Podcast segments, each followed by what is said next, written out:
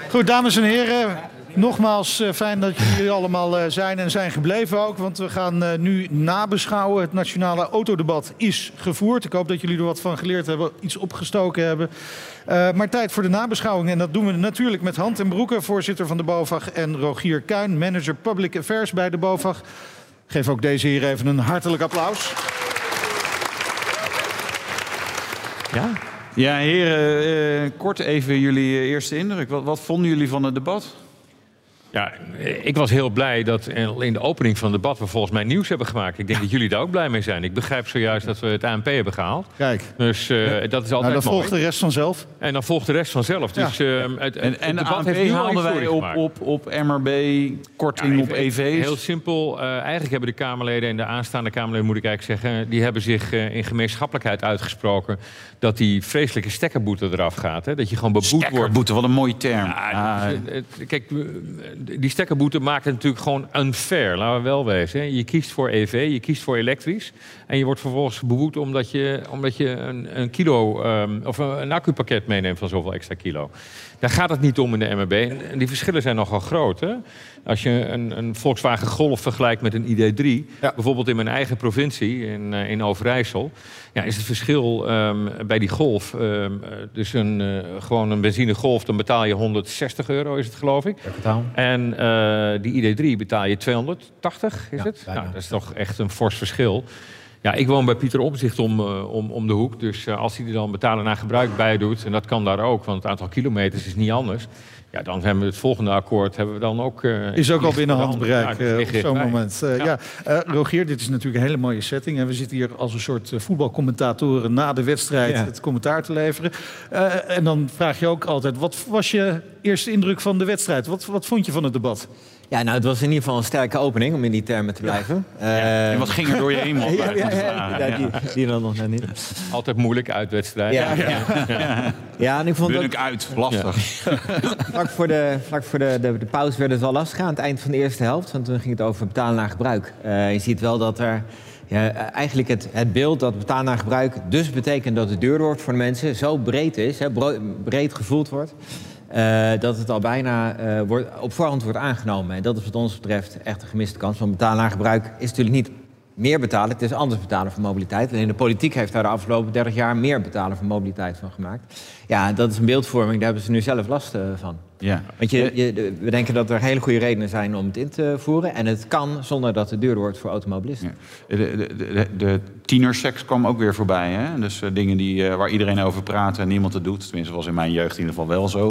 Ging over autodelen. Ik denk, ja, heel leuk, uh, theoretisch. Maar eigenlijk willen we allemaal onze eigen auto. Blijkt uit de, de 9 miljoen auto's hebben we inmiddels. Ja, er wordt... dus, één op de twee mensen heeft een auto. Dus ja, wat, ja, ja, dan delen we nog. Maar dat betekent dat de kinderen en bejaarden hebben geen auto's. Dus is autodelen ik hoor het wel opvallend vaak terug. En denk, nou, dat... Nou ja, kijk, autodelen, je kunt ook auto huren natuurlijk. Hè. Dat ook delen. Ik weet niet dat ook doet. Maar autodelen gaat misschien iets minder hard dan we met z'n allen hadden aangenomen. Maar het is nog altijd een alternatief voor een aantal mensen. Maar je hebt volkomen gelijk.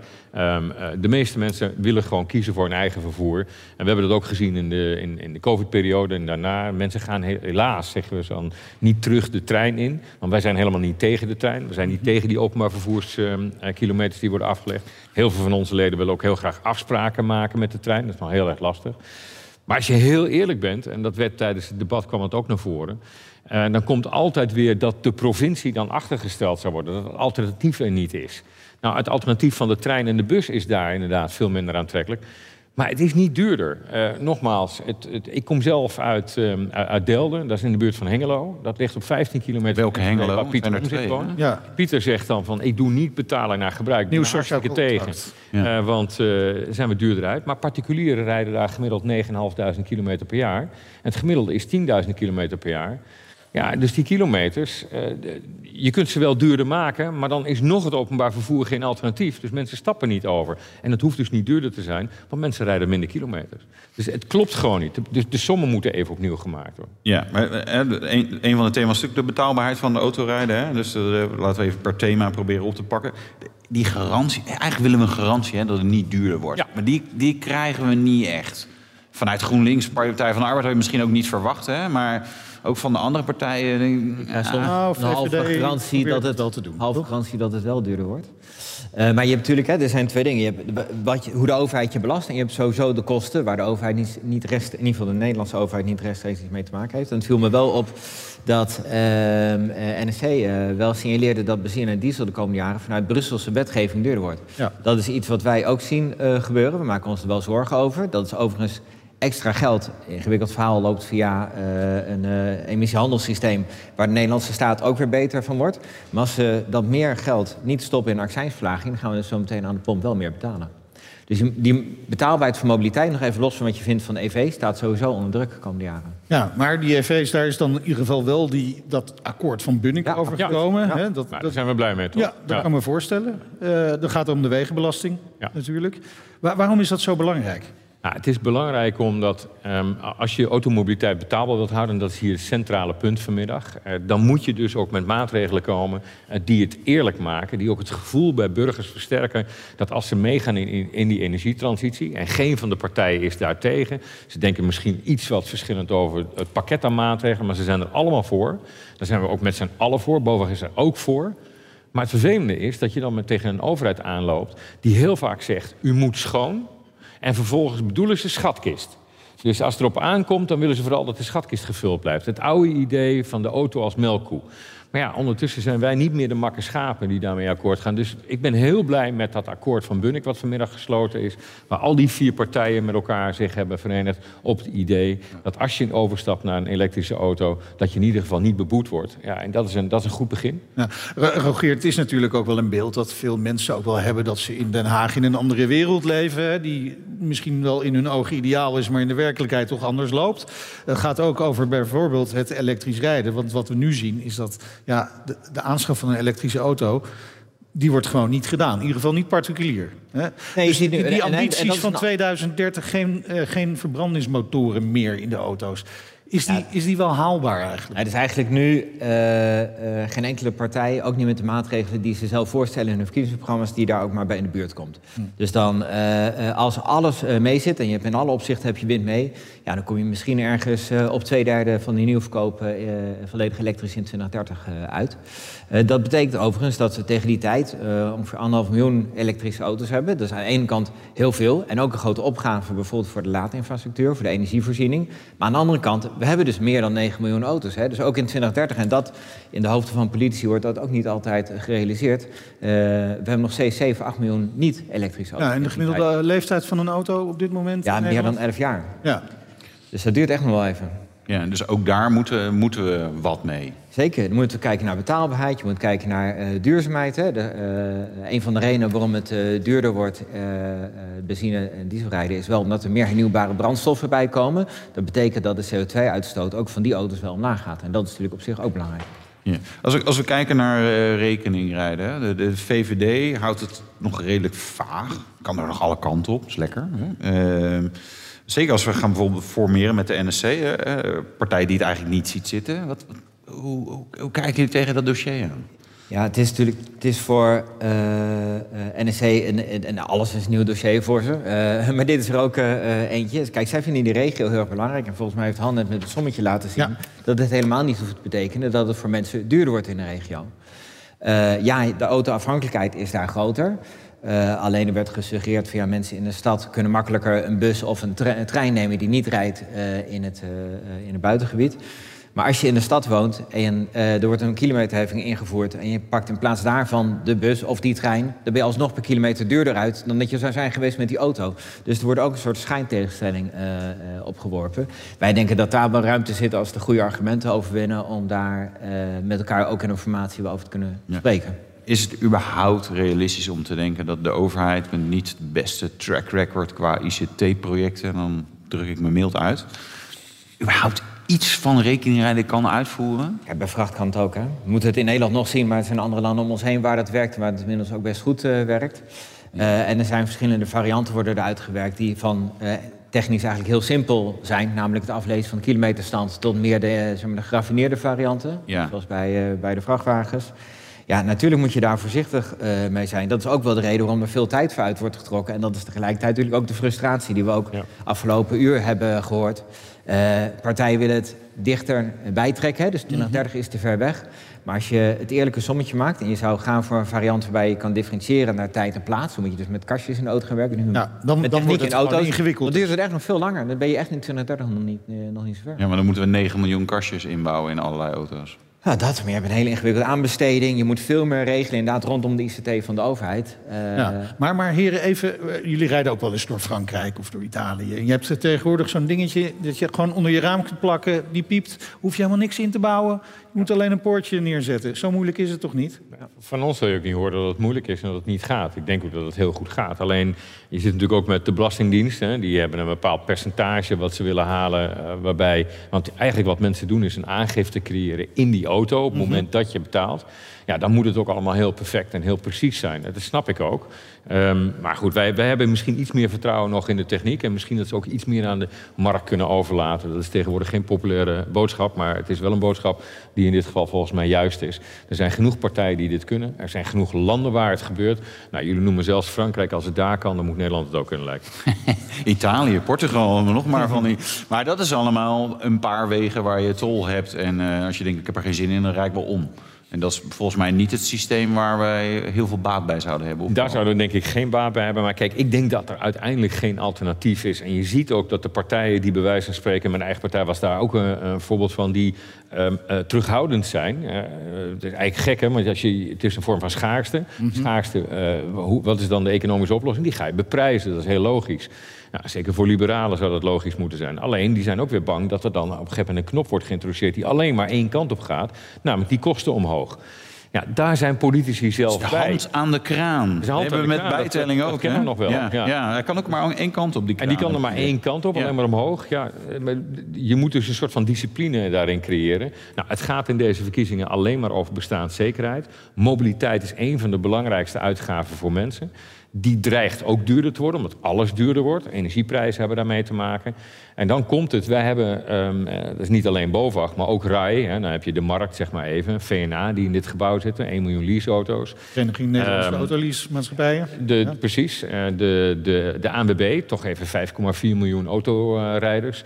En ehm, natuur en milieu. En we zijn eigenlijk de enige sector in de economie met een CO2-opgave van de vijf die het moeten doen, die zo'n brede coalitie hebben en die voortdurend komen met plannen die en op CO2 en op betaalbaarheid beter scoren dan waar het kabinet mee komt. Dus in hemelsnaam luister naar ons. Wij weten het allemaal. Toch? Ja. Nou, de vorige, Maar heb- ik- de vorige ik- hebben ze het gedaan. Hè? Dus laten we ook even eer, Ja. ere wie ere toekomt. Het vorige kabinet wilde dat doen. Maar die zetten nog net niet de hele stap. En er zijn een aantal partijen... Jullie hebben Wat, wat hebben ze dan wel gedaan? Want volgens mij rekening de, hebben ze de niet ingevoerd. motorrijtuigenbelasting moest worden omgewerkt naar een, ehm, eh, naar een, een, een, een, heffing. Dus de, we betalen naar gebruik.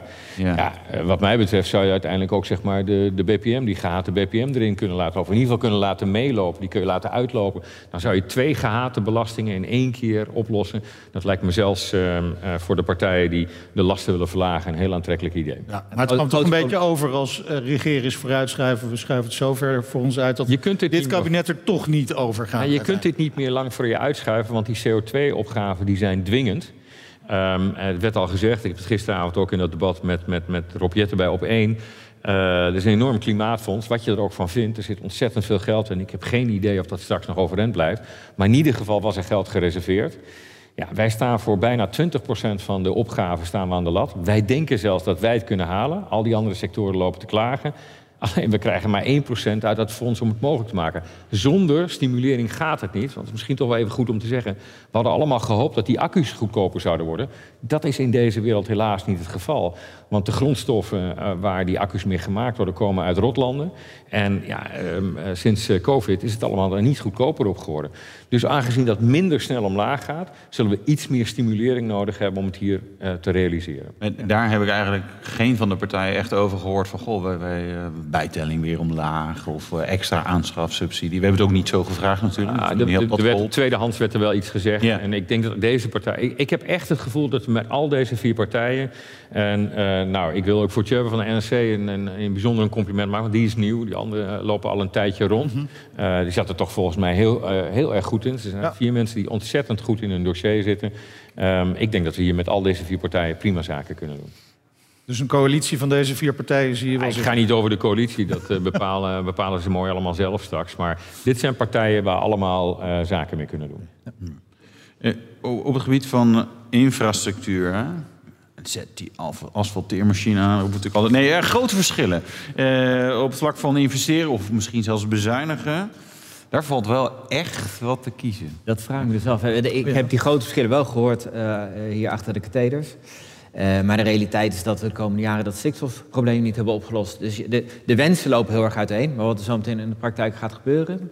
ik moet maar zien eh, maar of dat echt zoveel... Dus als de VVD verkiezingsuitslag. 2,4 miljard wil investeren in de, in de, de wegen, dan zeg je ja, Ja, leuk bedacht, dat zou- maar het is wensdenken. Nee, dat zou best wel kunnen. Maar dit is een, eh, dat is ook in hun eh, verkiezingsprogramma een lange termijn verhaal. Hè? Dus tot en met 2040. Ja. Maar eh, eh, mensen, als je vraagt van... nou, wat ga je hier nou de komende vijf jaar zien van de, van de verschillen... dan weet ik het niet zozeer. Voor de lange termijn eh, eh, is 2,4 miljard niet eens een heel groot bedrag. Hè. Er gaat eh, jaarlijks een veel groter bedrag om in, eh, in investeren in wegen. Eh, maar goed, dit is dan wel een stukje extra. Ja, en we zullen eh, toch rekening moeten houden met de groei van de bevolking. En de groei van mobiliteit. En dit is wat ons betreft echt een ondergeschoven kindje in deze eh, verkiezings... eh, Groei van Hallo. bevolking, groei van mobiliteit, stikstofprobleem. Dus ja, file. Heel veel file. Nog meer file. Ja, file. Helemaal vastlopen. Als we niks doen wel, en daarom is het onontkoombaar om daar iets aan te doen. Ook betalen naar gebruik zal daar het aan bij. Nou ja, die wilde ik bijna weer opgaan. Ja, Nou ja, hebben we dan nog betalen naar gebruik nodig? Want ja, wie gaat er dan nog in de auto zitten? Maar de verwachting is dat als je meer gaat rekenen, en dat doen mensen met, eh, met betalen naar gebruik, dat dat in ieder geval ook een effect heeft op wanneer mensen rijden. En, ehm, en het aantal kilometers dat gereden wordt. Over het algemeen wordt de meeste modellen rekening mee gehouden dat dat 10% minder eh, kilometers oplevert. Nou is de BOVAG niet van minder kilometers. Wij zijn wel van betere kilometers, dus ook schonere kilometers. Ja. Maar nou ja, file kilometers zijn ook goed voor eh, de autobranche. Een beetje schade rijden, omdat je niet op te zitten letten. Uh, Nou ja, maar dat is een sowieso- beetje. ja, dus ja, Sowieso is eigenlijk, natuurlijk eh, vraag Ik zal of niet ontkennen dat er meerdere, gewoon- meerdere verdienmodellen Ja, zijn hier. of je dat niet gewoon moet accepteren. En de moderne auto's die hebben allemaal eh, systemen waardoor je gewoon automatisch rijdt. Je hoeft eigenlijk niet meer op de weg te letten. Moet je natuurlijk wel doen, hè? Ja.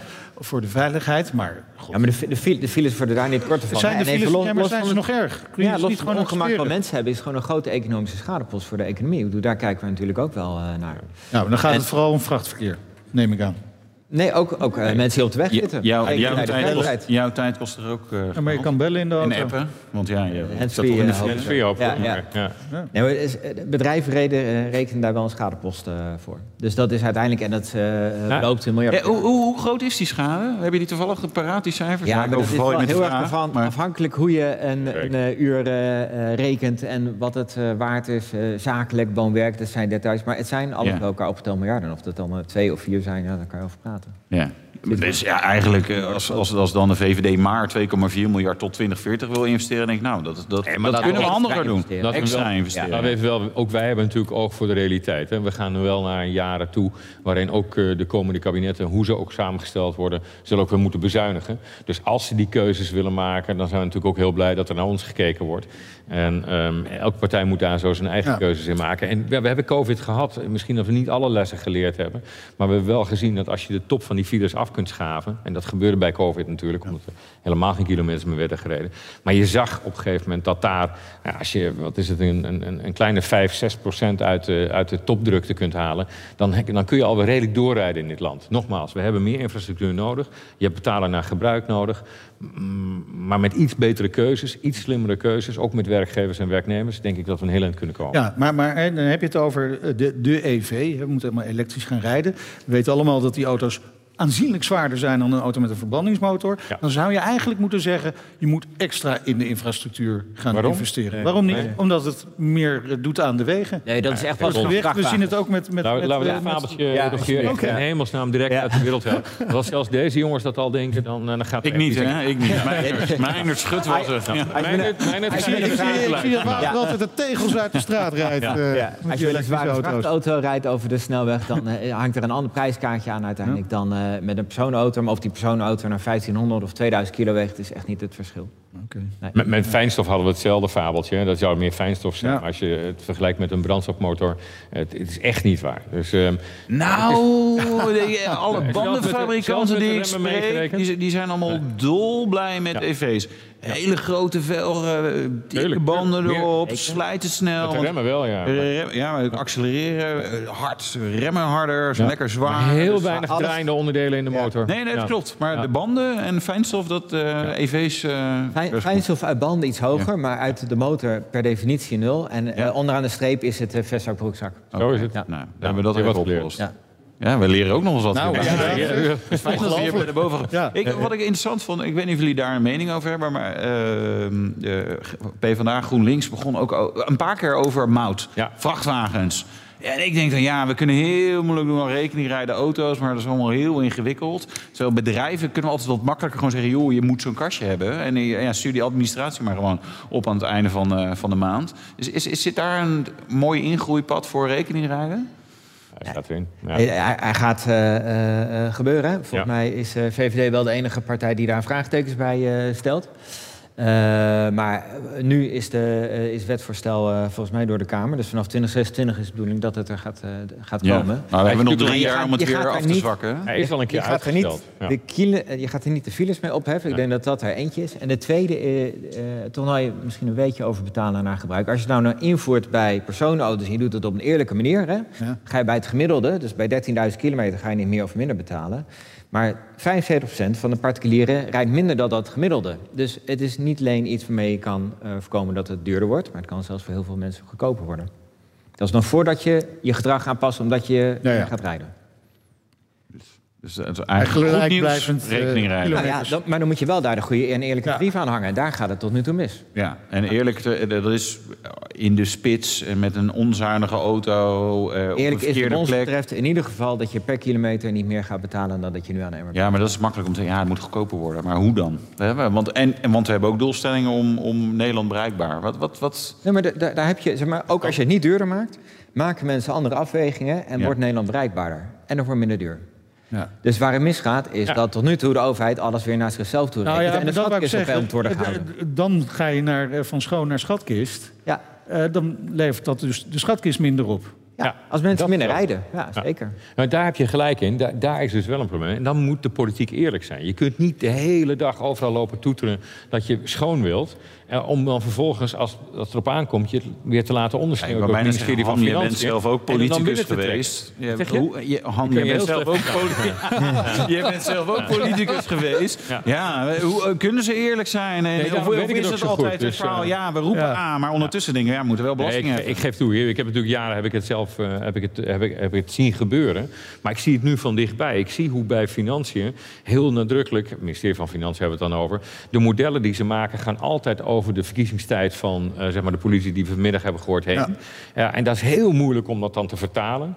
Ehm, eh, maar, maar wij hebben tarieven gezien waar we echt van onze stoel vielen, van verbazing. En dan, ja, dan creëer je dus eh, vormen noem, van vervoersarmoede. tarief bijvoorbeeld. Want waar ligt Ja, het? wat hebben we gezien? We hebben Eh, 8, 9 cent in 2030 gezien, maar het liep dan op naar bijna 15 cent in 2040, terwijl je nu gemiddeld 5 cent betaalt. Hè? Dus dan gaat het Een wel. Dat is, dan, dan, dan creëren we, dan wordt dus autorijden wordt voor de elite. Ja. Eh, Ja. Dan creëer je vervoersarmoede. Wordt het wel rustiger op de weg? Ben je ook files af? Zeker. Kunnen we ook weer ook- 130 rijden? Want ja, er zijn toch niet zoveel auto's. de rust waar de BOVAG niet voor zou zijn. Dat snap. Ja, ja. Dus, snap ik. Nou ja, maar denk- die, die, die mobiliteitsarmoede, Ja. ja. raken we daar natuurlijk ook een beetje aan. Ja. Hè? Dat is natuurlijk een, een thema. Ja, weet je, dat, dat voelen we misschien nog niet zo, Nou, maar het zit... nou. Het, het, het- nou, nou, ja, zie ik hij- allebei. Niet Nou, voor niets, niet, niet is van een accijnsverlaging natuurlijk doorgetrokken... die eh, politiek en eh, eh, ook budgetair voor de overheid echt wel pijn doet.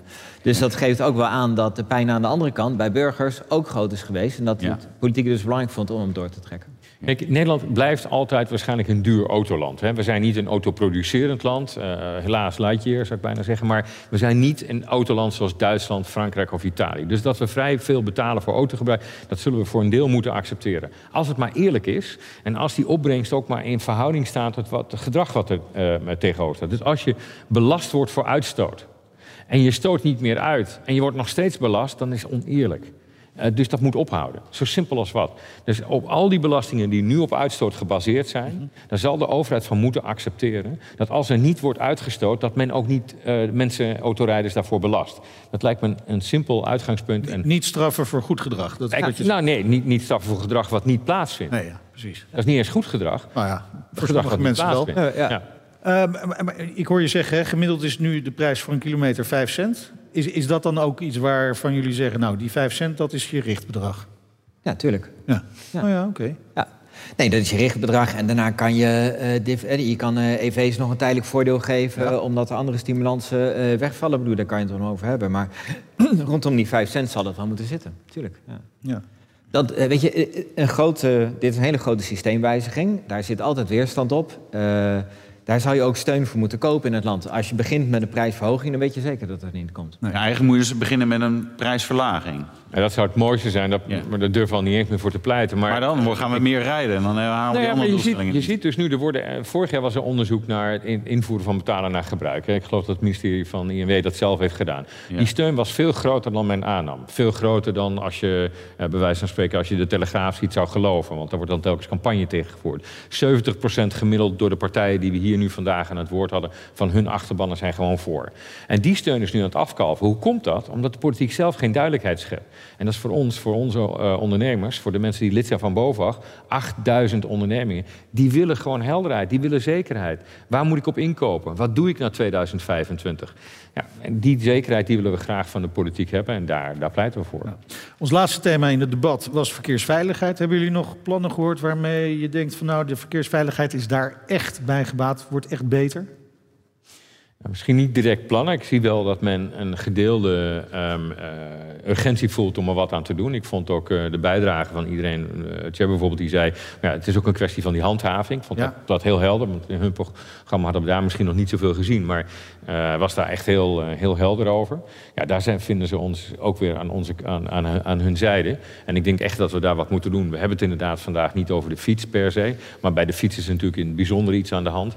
Ehm, eh, dus daar zullen we met z'n allen op moeten inzetten. En dat is ook Nou een ja, eh, je fiets, elektrische fiets. Ja. Heb je dan specifiek? En Wat, zijn, wat zijn wat de thema's op verke- verkeersveiligheid? Elektrische fiets, appen, Appen. eh, eh, middelen gebruiken? Je gaat natuurlijk straks, hè, we, we doen ontzettend ons best met campagnes om ook die helm ehm, eh, zeg maar geaccepteerd te krijgen. Want dat is echt een vorm van acceptatie. Ja. En je kunt het een beetje vergelijken met skiën, waar die op een gegeven moment ook zeg maar, op een natuurlijke wijze is ingevoerd en mensen dat ook inzagen. Nu Ja. is er niemand meer die in zijn Nee, hoofd haalt. maar dat is één week per jaar, hè?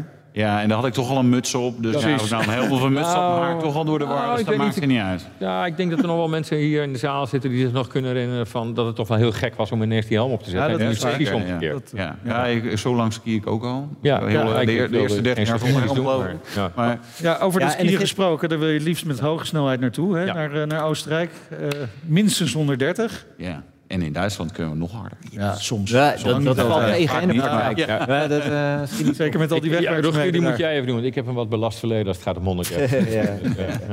Nee, we hebben daar, eh, eh, als boven spreken we ons daar niet over uit. Omdat we natuurlijk zien dat 130 eh, lekker is. Hè. Dat eh, is niet alleen, vindt Han niet alleen leuk, vind ik ook leuk. Vind jij ook leuk, Wouter? Ja. Jou nog niet zo gehoord? Nee, ik rij heel rustig gewoon. Nee, ja, ik vind nee, het heel leuk. Ja. Prima. Ja. Ehm, maar er hangt wel een, een eh, prijskaartje aan. En nu voor stikstof, eh, voor de komende jaren is het eigenlijk dus... ook al zou je misschien anders willen, een non-discussie. Want eh, eh, op het moment dat je het terug invoert... en eh, voor deel is het een papieren tijger... maar ook die papieren tijger zorgt ervoor dat je geen infra kan aanleggen... dat je geen eh, woning kan aanleggen. Ja, daar staat voor ons die 130 eh, niet, eh, niet eh, tegen... zeg maar, het is niet de goede verhouding. Maar ik vond ook eh, eh, een goede opmerking van... Ja, weet je, op lange termijn heb je, als het goed is... toch een keertje dat stikstofprobleem eh, onder de knie. Is een groot deel van het wegverkeer geëlektrificeerd. Dus gaat er met hoger eh, snelheden ook niet per se heel veel meer CO2-uitstoot gepaard. Ja, en het zijn natuurlijk steeds veilige auto's die met elkaar rijden. Dus op een termijn zou je die discussie wel weer terug moeten krijgen op de politieke agenda.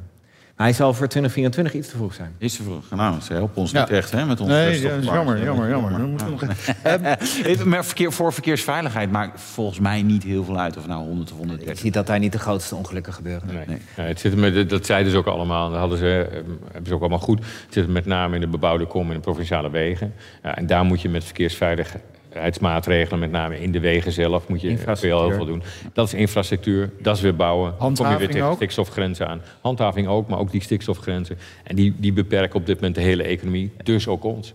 En er is nog één, nog één aardig puntje bij verkeersveiligheid. We zitten met bovenin een verkeersveiligheidscoalitie. En een van de dingen die daar worden bepleit is een betere ongevallenregistratie. En dat klinkt misschien heel suf, maar als je niet weet hoe een ongeluk wordt veroorzaakt... dan kan je ook geen lessen trekken naar de toekomst toe. Dus dat is vrij simpel. Als er een groot zwaar ongeluk gebeurt, hou eh, bij wat daar precies eh, speelde. Ga ook kijken of de banden goed waren, of het onderhoud van de auto goed was. Zodat je weet welke knop je moet draaien om de verkeersveiligheid daarna te kunnen verhogen. Ja, daar heb ik me inderdaad ook wel eens over verbaasd. Ja. Dat eigenlijk Ja. heel, heel slecht gedocumenteerd We houden in dit land alles bij. Dat je, Ja. Zeker ondernemers moeten bizar veel formulieren invullen. Maar we weten eigenlijk niet waar die ongelukken nu precies vandaan komen. We weten wel wie ze maken. We weten wel de categorieën van het vervoer. Ja, nou, nog net. Ja. Maar het type ongeluk weten we niet. Ja. Eh, Wouter, we hebben niet altijd live publiek bij ons uitzending. Ja, meestal zitten ze ergens aan een eh, speaker of met een koptelefoon te luisteren naar ons. Maar nu zijn ze gewoon in de zaal. Dat geeft natuurlijk ook de gelegenheid dat de zaal gewoon vragen kan stellen. Dus heeft, heeft iemand in de zaal een vraag voor een van deze heren? Niet allemaal tegelijk. Op de vrijdagmiddag. Ja, het, café, het café longt, Het jongens. is toch jullie moeilijk, hè? Dit, eh, nou, niemand? Nee? Ja, kijk eens. Ik kom even naar je toe. Wie ben je? Eh, Sander van eh, Automotive Online. Kijk aan, een Ehm, collega-journalist in de zaal. Exact, collega-journalist. Eh, ik heb het helemaal niet gehoord bij het debat. Ik weet niet of het eh, ter sprake komt als thema, maar ik vind het wel degelijk heel belangrijk. En ik heb het onder mijn lezer ook heel erg geleefd. Eh, de invloed van ehm, China en een goedkope Chinese auto. En hoe Europa en Nederland daarop moet reageren. Ja, goed punt. Ik, ik hoorde het uh, Tjebbe van Oosterbrugge wel iets zeggen over de Chinese auto's. Maar uh, ja, dat is natuurlijk uh, Gaat een groot probleem, hè? Ja, we waren met een aantal mensen van boven twee weken geleden in uh, Japan, waar een grote automotive beurs is, zeg maar, wat wij vroeger met de RAI hadden, maar dan iets andere omvang. Hm. Ja, en daar zie je het gewoon gebeuren. BYD, Build Your Dream, grote accuproducent, die ook trouwens voor Tesla natuurlijk produceren, maar die dit jaar of het komende jaar geloof ik al in aantallen Tesla gaan voorbijstreven. Ja, dat is gigantisch. Daar spelen de Europese merken bijna een bijrol. Uh, dus je ziet waar het vandaan gaat komen. Dat is uit Azië. Dat was, ja, we, we, kennen natuurlijk Zuid-Korea, um, uh, we, we, kennen Japan.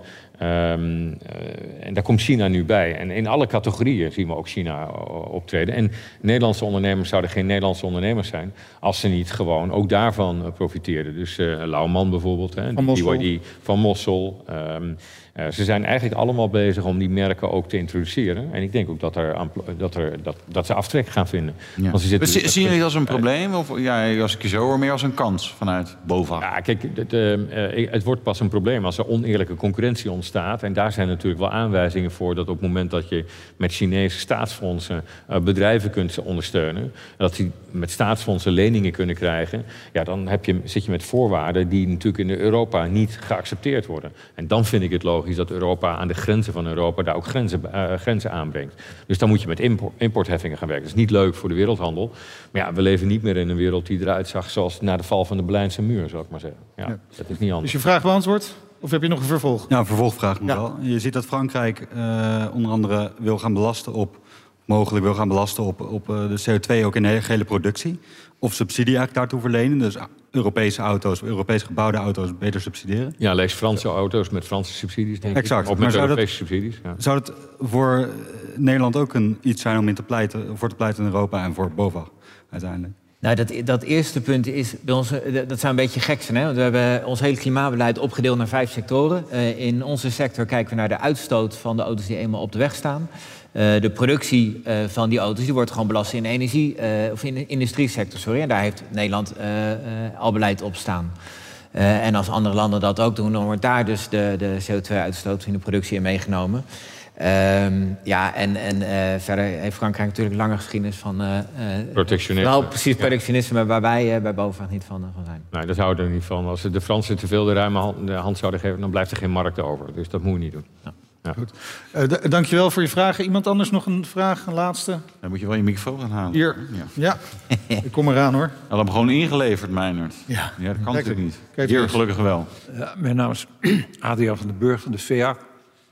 Ik vind de verbrandingsmotor een prachtig product. Ja. Menselijke inventiviteit, uh, technologische ontwikkelingen zijn indrukwekkend. Er is één land in de Europese Unie die daarvoor opkomt en dat is Duitsland. En dat weet u, ze hebben werkstelligd dat er van na uh, 2035 ook met een verbrandingsmotor kan gereden worden, mits het hernieuwbare brandstof uh, is, betreft.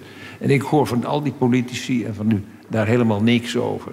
Nederland zou toch best wat kunnen doen, uh, gezien ook de internationale reputatie die we hebben bij een bedrijf als Shell, om uh, hernieuwbare brandstof betaalbaar te krijgen. Ja, en dan zouden we na 2035 gewoon door kunnen gaan om op, uh, op, uh, met een brandstofmotor te rijden. Nou, ik, heb, ik heb bij deze heren in het programma al een aantal keer gezegd dat, het, uh, dat de brandstofmotor en in het bijzonder ook de dieselmotor in het verleden en tot op heel recent eigenlijk onnodig zijn gecriminaliseerd. Veel duidelijker kan ik in worden. Um, we hebben in onze eigen alternatieve plannen, waarbij we veel en veel beter scoren dan het zittende en het vorige kabinet als het gaat om CO2 en betaalbaarheid, hebben wij die hernieuwbare brandstoffen spelen bij ons een grote rol. Is ook een van de redenen dat het kabinet daarna gekeken heeft en zegt, oh, dat kunnen we misschien maar beter even importeren. Nou, ik kan u de, de megatonnen uh, erbij geven, maar dat is een heel belangrijk onderdeel van de oplossing. Dus bij BOVAG zeggen we, alle bloemen moeten bloeien, maar wel op hun eigen weide. En ja, het is logisch dat we op dit moment met name kijken naar de zonneweide of de elektrische, het elektrisch opladen of waterstof. Dat zijn helaas, dan kun je zeggen, in de media en in de politiek de populaire debatten. Dus daar hoor je die politici over en bijgevolg ook mij. Ja. Zal, ik deel 2 van het antwoord geven? Ja, maar, heel kort. Uh, ja, is goed, heel kort. Hernieuwbare brandstof heb je het over uh, biobrandstoffen voor de korte termijn en voor de langere termijn die e-fuels. En volgens mij heeft u het daar vooral over, dat is na 2035. Dat is een uh, brandstof die gewoon ook door de productie heel duur is. Hè? Dus even los van wat de overheid daarvoor doet. Wij zeggen wel, je moet hem levensvatbaar maken. Dat is belangrijk, want we hebben nog heel lang een rijdend wagenpark. De klassiekers, de oldtimers, die horen daarbij. Die moet je ook klimaatneutraal kunnen laten rijden. En dat kan met de e-fuels. Dus hij heeft een belangrijke rol. Um, um, dus die, die, die tweesplitsing daarin is wel erg uh, belangrijk om even aan te brengen. En voor de korte termijn kan je met het bijmengen van hernieuwbare brandstoffen in de plas aan grote winst boeken. Goed, we moeten gaan afsluiten. We moeten gaan afsluiten. Luister, je kunt straks nog uh, napraten uh, tijdens de borrel. Ik zie de eerste bitterballen al naar binnen geduwd worden. Dus uh, het is hoogste tijd. Ja, dat hebben wij al gemist. Ja, precies. Ja, dat, is, zeker dat is ons lot van deze functie. dit waren de thema's. Brengt ons tijd het slotakkoord ook. Rogier, volgende week verkiezingen. Daarna gewoon vol in de lobby in Den Haag? Absoluut, dan breekt een hele belangrijke fase aan. Je ziet dat als er grote verschuivingen nodig zijn, en die zijn nodig, bijvoorbeeld als je betalen naar gebruik invoert op een eerlijke manier, dan moet je gaan schuiven met miljarden. Dat kan alleen maar tijdens de formatie. Daarna krijg je het vier jaar lang of hoe lang het kabinet ook zit niet voor elkaar. Maar Rutte is weg, dus misschien blijft hij nu iets langer uh, in functie. Hè? Dat zou natuurlijk kunnen gebeuren. Uh, ja, Han, dit was het nationale autodebat. Hè? Dat moeten we vaker doen, toch? Volgens mij ook. Ja. ja? ja. Als, als, jullie het leuk vonden. We vonden het heel, leuk. Het heel leuk. Ja. En goede, goede gevulde koeken ook. Waar... Ja, ja, helpt mij altijd. Voor de luisteraar misschien niet helemaal zichtbaar... maar we zitten hier op ongeveer 10 meter van het café Noord-Brabant... waar BOVAG ooit is opgericht. Ja. En dat is ook echt een café, dus ik nodig jullie allemaal uit voor een borrel. De luisteraar de volgende keer ook, maar die is altijd welkom hier in Bunnik. Heel lekker centraal in Nederland. Je kunt er ook prima vergaderen. Dus ik zou zeggen langs. En, en je EV opladen, heb ik Zo is dat. dat Dank ook. jullie wel voor deze nabeschouwing. Hand en Broeke, voorzitter van de BOVAG... en Rogier Kuin, manager Public Affairs bij de BOVAG. Ja, tot zover het uh, nationale autodebat. We hebben ons uh, zeker vermaakt. Absoluut. En, uh, ja, graag tot de volgende keer. Ja, en daarna vol gas naar huis. Ja, lekker. Ja, 100 hè, mogen we. Goed, hartelijk bedankt nogmaals voor jullie aandacht. En zoals Hantenbroek al zei, we kunnen de, de kroeg in. Café Noord-Brabant voor een bitterbal en een drankje. Veel plezier nog. Dank, Dank jullie wel. Nieuws gemaakt. Hartstikke ja, ja, gaaf. Ja. Bij BNR ben je altijd als eerste op de hoogte van het laatste nieuws. Luister dagelijks live via internet. Jelle Maasbach. Wesley Weert. We zijn er voor je met het leukste, opvallendste, maar natuurlijk ook het belangrijkste nieuws. Tijdens de presentatie van die halfjaarcijfers toen die beurskoers in elkaar kukkelde. BNR Beurs. Voor de slimme belegger. Blijf scherp en mis niets.